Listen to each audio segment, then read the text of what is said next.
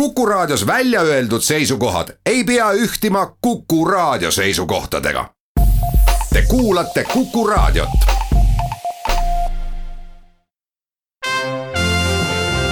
Tallinna Filharmoonia esitleb Filharmooniline huvitaja. tere päevast, head kuulajad! tänase saate külaline on väga hea helilooja arranžeerija, õppejõud ja muidugi Nõmme parim diskar, Tõnu Kõrvits, tere tulemast! aitäh, päris palju ja päris äh, huvitavad tiitlid.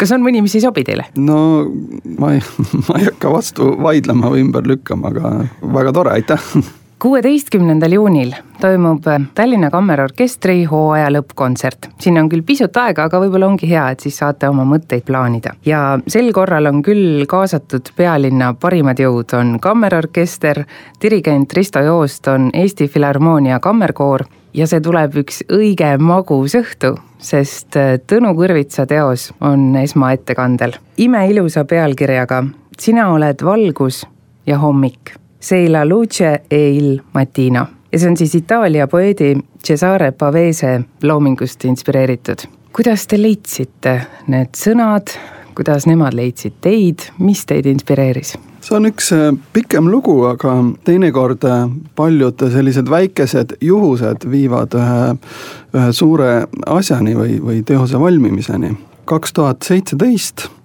viibisin ma koos äh, Tallinna Kammerorkestri ja Filharmoonia Kammerkooriga Mito festivalil Itaalias. Ja meil oli kaks äh, väga head ja toredat kontserti Torinos ja Milanos, Mito, see ongi Milano, Torino. Mängisime siis minu lageda laule seal mõlemal kontserdil. Ja Torino kontserdil oli üks äh, Itaalia kunstnik kes äh, hiljem minuga võttis ühendust ja, ja rääkis oma muljetest sellest kontserdist, talle see meeldis.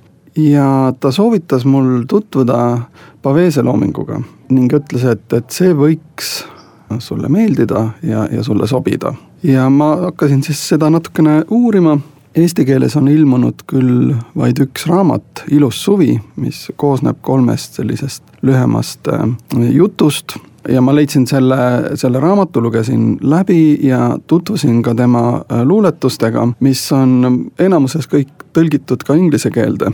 tutvusin ka tema looga, tema elulooga ja, ja ja see kõik tundus mulle väga inspireeriv ja sealt sai see asi alguse ja siis järgmine samm oli see, et ähm, Pavese luuletuste kogu ma viisin oma hea sõbra Doris Kareva kätte, kes on mind äh, palju aidanud nii oma tekstidega kui ka tegelikult tema oli see, kes valis, järjestas ja tõlkis ka lagedal laulud. ja ka seekord siis ta tegi oma valiku nendest luuletustest ja ka tõlkis need eesti keelde, et mul oleks kergem nende tekstide sisse minna, siis, siis algaski töö Pavese elu on tõesti traagiline, ta oli äh, pauksis riigikorraga, ta tervis polnud kõige parem, tal oli õnnetu armastus, ta lõpetas ju väga noorelt, neljakümne kahe aastaselt mm -hmm. enesetapuga mm. -hmm. kui te võtate mõne teksti või leiate, kas te lähete alati lõpuni ka selle inimese sisse, kes on loonud selle teose või see armumine piirdub nende ilusate vormide ja sõnade rütmidega, kuidas see on, kas see on oluline teie jaoks lõpuni teada saada, kes on selle autor? jaa, nii see on jah, ja Pavese puhul just mm, tal oli selline õnnetu armastus, tol ajal neljakümnendatel oli Itaalia kino väga moes maailmas ja paljud Hollywoodi staarid tulid siis Itaaliasse, et seal oma karjääri alustada ja seal siis tekkis tal suhe Constance Dowlinguga, Hollywoodi näitlejatäariga ja see oli õnnetu jah, ka riigikorraga, eriti siis äh, Mussolini režiimi ajal ta oli ka vangis pikka aega, et ähm, ta oli selle suur vastane. ta oli ka tõlkija, ta tõlkis äh, inglise keelde tekste, nii et ta oli selline väga mitmekülgne ja, ja tegelikult huvitav ja ülitundlik äh, looja. ja muidugi need jutud, mis on siis eesti keelde tõlgitud Ilus suvi, ka need lugesin ma läbi, et see on väga huvitav kirjandus, seal otsekui ei ei juhtugi midagi. aga oma kirjeldustega ja oma sellise tundlikkusega loob ta sellise eriti kaasahaarava atmosfääri või, või maailma, kuhu sa lihtsalt libised sisse ja sa oled seal, ta on väga osav selline sõnadega ümberkäija ja ta looming on küll äh, igatsev võib-olla ja, ja nukrameelne, aga ta ei ole ju rusuv. et see on selline õhkõrn kuidagi, see kurbus, mis seal on või kuidas teile tundub? jaa, vot äh, kui, kui palutakse iseloomustada tema luulet, see on võib-olla kõige keerulisem, sest äh, ühest küljest jah, seal on natuke kurbust ja, ja melanhooliat, aga seal on tegelikult natuke kõike, seal on ka väga palju nostalgiat see nostalgia, see mineviku ihalus on tema tekstides väga kohal, no kasvõi üks katkend tema luuletustest, et õhtu hilja tuulehinguse varjus kergitavad mälestused pead, et kuulatada jõe häält. see on puhas selline noh, mineviku mm, rändamine ja kogu selle suure igatsuse taustal tegelikult selle luule põhjas voolab üks ülivõimas elujõgi, see on otse kui selline hümn elule ja, ja hümn huvitaval kombel maale. et ta räägib maast väga suure armastusega. Ja see on üks, üks asi võib-olla, mille peale me nii palju sageli ei mõtlegi, maast, armastusest maa vastu, selle, selle mulla vastu, millest võrsub uus elu, et et ähm, jaa, tegemist on ikkagi väga mitmekülgse loojaga ja neid tekste ühe äh, sõnaga iseloomustada on natuke keeruline. aga mis ma pean nüüd ütlema, et teos ise on ikkagi itaaliakeelne mõned luuletused on ka inglisekeelsed, mis on ka originaalis kirjutatud siis inglise keeles, et ma tahtsin jääda selle originaali juurde, see tundus mulle tähtis. ja sellega ma muidugi tegin oma elu palju keerulisemaks, sest ma ju itaalia keelt äh, nii hästi ei tunne ja, ja ma ei räägi seda ja see, see, see oli üks suur töö, et äh, selle keele saladustest ja rütmidest äh, aru saada ja mitmele oma Itaalia sõbral lasin need tekstid äh, siis salvestada ja sisse lugeda. ja, ja õnnelikul kombel sel aastal mul Muusikaakadeemias oli neli Itaalia tudengit, nii et neid Äh, ma sain ka siis abi küsida, kui oli tarvis seoses tekstidega. Te olete öelnud, et see on üks teos, mida te olete väga hoolikalt ja kaua teinud mm. -hmm. see jätab natuke sellise kummastava mulje, et ma olen ju täiesti kindel, et te teete igat oma teost väga hoolikalt ja südamega aga mida selle teose puhul see hoolikus just tähendab? ühte asja ma mainisin tõesti, see teksti minek oli raskendatud, sest see oli võõras keel minu jaoks ja teinekord ma panin siis nonstopina selle salvestatud luuletuse endal taustaks mängima ja, ja kuulasin seda nii kaua, kuni see oli mul peas. ma arvan, et nüüd hakkab see vaikselt juba ununema ja peast ära minema see, see oligi üks asi kindlasti ja, ja teiseks ma alustasin seda aasta tagasi mais ja tõsi küll, aasta alguse poole siin veebruariks oli see teos enam-vähem valmis, aga see järelkontrollimine ja, ja järeltöö sellel teosel oli kindlasti suurem kui mõnel muul, kui lihtsalt noodid korraks üle vaadata või kontrollida. et just seoses selle tekstiga ja ikkagi see tekst on äh, nii võimas, et ta paneb ühe sellise pitseri kogu sellele muusikale või, või väike, väikese sellise lisa koormuse, et äh, sa pead olema väga hoolikas oma muusikalises väljenduses. Ja, ja seetõttu see töö oli teistsugune.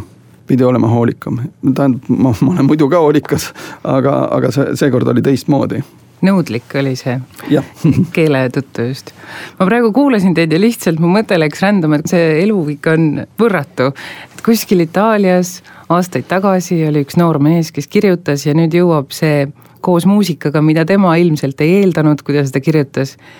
Eestisse, vanalinna, mustpeade müüride vahele, see on lihtsalt, see on ime, et kui keegi küsib, kas maailmas on imesid, siis see küll tundub mulle imena mm. -hmm. sellised asjad mulle on alati meeldinud, mulle meeldis Bronte tekstidega sama asja teha, et need kuskil seal Inglismaa nõmmede vahel suurest igatsusest äh, ja üksindusest sündinud luuletused panna oma lagedalauludesse või siis kümmekond aastat tagasi ma tegelesin Marie Heibergi luuletustega, me tegime koos Nargena ooperaga ja Tõnu Kaljustega ühe kammerooperite õhtu, kus ma kasutasin siis Marie Heibergi luuletusi, kes oli ka selline mitte tavaline luuletaja, kes pool oma elust viibis hullumajas jaa, see, see on üks, üks tore asi, et sellised asjad natuke teistmoodi, natuke kui soovite, kiiksuga asjad mulle on alati meeldinud ja mind inspireerinud Tõnu Kõrvits, kas muusikal on kodumaa, kas muusikal on rahvus? on teie jaoks oluline, et teie loomingu juurde kirjutatakse, see on Eesti autori teos, see on Eesti muusika mm,? muidugi on see minu jaoks tähtis. ma arvan küll, et on, on kodumaa olemas, sest äh, äh, see kõik, mis mind ümbritseb siin minu kodus Eestis, Tallinnas, Nõmmel, kus ma olen kogu elu elanud, see jõuab äh, minu muusikasse ühel või teisel kombel varjatumal või rohkem avatud kujul. inimesed, ka see muusika, mis mu ümber on olnud, millega ma olen koos üles kasvanud, ka rahvamuusika, need looduse rütmid, looduse hääled, need kõik on minu muusikas sees. Ja isegi kui ma kirjutan võib-olla tekstidele, mis ei ole Eestiga seotud, kas või seesama Pavese luuletused, aga ka need on loodusega seotud ja selle maaga seotud ja maa on meil ju ikkagi lõppkokkuvõttes see üks ja, ja seesama. nii et äh, jaa, ma olen täitsa kindel, et minu muusika on seotud sellesama Eestiga mul tuleb alati üks tore lugu meelde, kunagi ma vaatasin filmi, mis kandis pealkirja Dingo ja mis äh, rääkis Miles Davisest, trompetimängija, džässmuusik, kuulus. film oli ühest Austraalia trompetimängijast, kelle eluunistus oli minna Miles Davise juurde õppima Pariisi. Ja siis, kui ta sinna lõpuks jõudis, siis Miles temaga väga palju ei rääkinud, ainult mõned sellised väga tähendusrikkad laused ja üks oli see, et seal, kus on dingode ulg, seal pead olema ka sina koos oma trompetiga. et noh, minu dingode ulg, ma ei ela Austraalias, siin ei ole dingosi, metsikuid koeri, aga siin on teised asjad siin on ähm, tuulesümfooniad ja siin on meri, siin on jõed ja mm, linnud ja muidugi ka inimesed, nii et ähm, ka mina olen siin oma muusikaga. Te olete Tallinna Kammerorkestriga väga palju koostööd teinud. kas võib öelda, et Tallinna Kammerorkester on teie sõber no äh, ma armastan seda bändi ja juba aastatepikkune koostöö on mul nendega olnud ja tegelikult kõik need suuremad asjad, tsüklid alates Kreegi vihikust ja, ja lageda lauludega ja kõik muu, mis sinna vahele on jäänud, et äh, nemad on olnud minu muusika esimesed esitajad. mina tunnen seda kui ühte sellist väga sügavat ja, ja väga usalduslikku muusikalist sõprust ja muusikalist suhet nende muusikutega olen ma ju ka ise koos üles kasvanud ja, ja me oleme koos muusikat teeninud ja, ja me teeme seda edasi, et mul on alati hea meel nende ette minna ja nende proovidesse minna. milline orkester see on? Nende puhul võib-olla üks selline suur pluss on see, et nad on väga paindlikud, nad võivad mängida erinevat muusikat ja nendel selliseks ümberhäälestamiseks ei ole vaja pikka aega.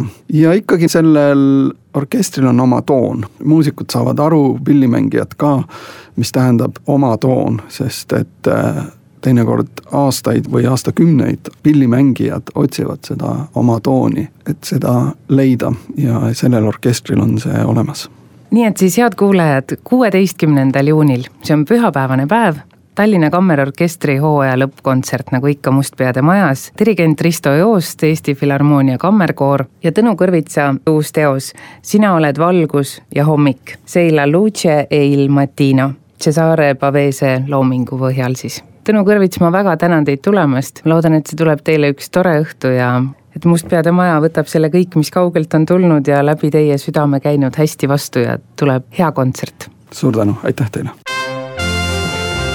Tallinna Filharmoonia esitleb Filharmooniline huvitaja